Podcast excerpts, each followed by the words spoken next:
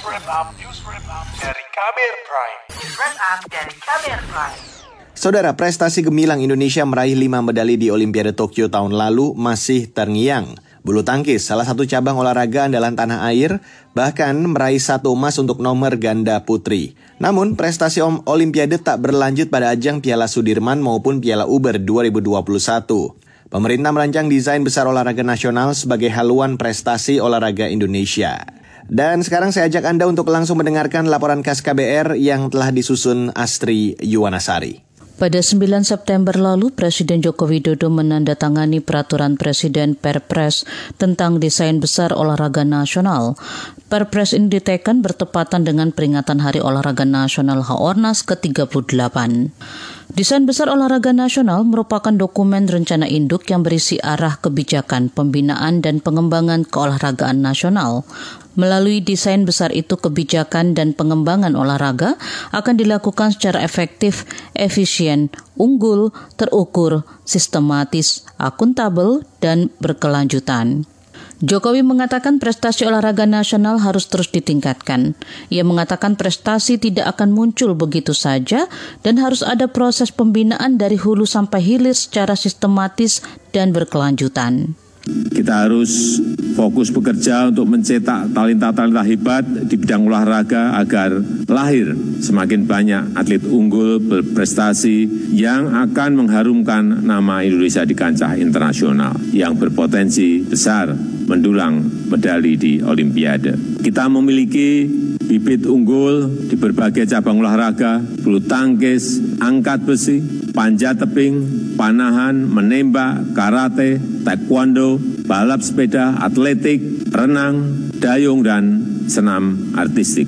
Serta dua cabang olahraga lain yang perlu dipersiapkan dengan baik, yaitu pencak silat dan wushu. Presiden Joko Widodo mengajak semua pemangku kepentingan bersinergi menciptakan ekosistem industri olahraga yang semakin modern.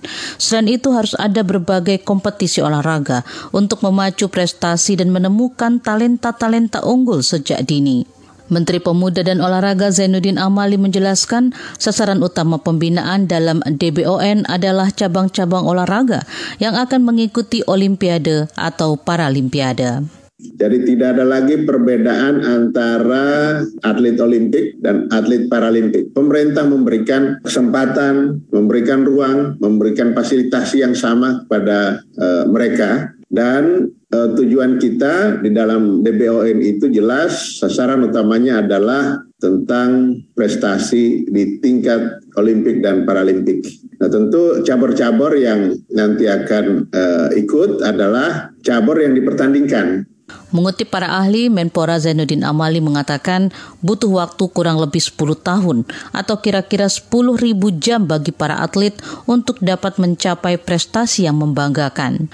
Desain besar ini juga menargetkan agar pada tahun 2032 mendatang, atlet-atlet Indonesia mampu bersaing dengan atlet-atlet negara lain di Olimpiade. Yang pertama, kami segera mengkoordinasikan apa yang menjadi tugas dari kementerian lembaga di tingkat pusat, apa yang menjadi tugas gubernur, apa yang menjadi tugas bupati dan wali kota. Karena memang ini pekerjaan yang baru ya. Ini adalah hal yang harus kita sosialisasikan. Jadi 76 tahun kita merdeka, kita tidak punya desain. Prestasi yang kita dapatkan selama ini, kalau saya berani bilang, belum terdesain dengan uh, baik ada satu dua cabang olahraga yang sudah mendesain itu, tetapi eh, prestasinya juga masih naik turun. Nah, dengan desain besar olahraga nasional ini, kita mempunyai kepastian, mempunyai jaminan bahwa itu terstruktur, kemudian terencana dengan baik, dan juga jangka panjang, sustainable. Lewat desain besar olahraga itu, pemerintah akan mendirikan 10 sentra pembinaan olahraga di berbagai daerah. Langkah ini untuk menjaring sebanyak mungkin talenta-talenta daerah dari dasar.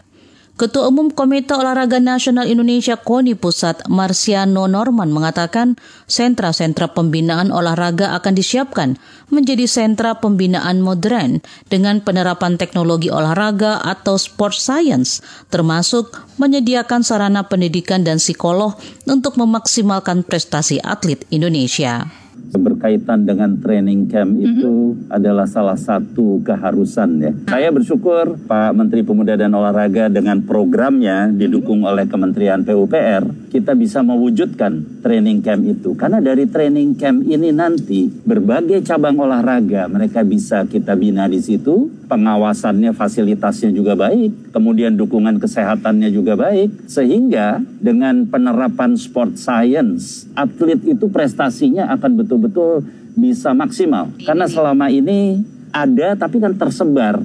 Ketua KONI Marsiano Norman memastikan pemerintah akan memberikan dukungan maksimal, termasuk menyiapkan infrastruktur yang baik agar para atlet menjadi juara. Laporan ini disusun Astri Yuwanasari. Saya Fitri Anggreni. Kamu baru saja mendengarkan news wrap up dari Kabel Prime. Dengarkan terus kabelprime.id, podcast for curious mind.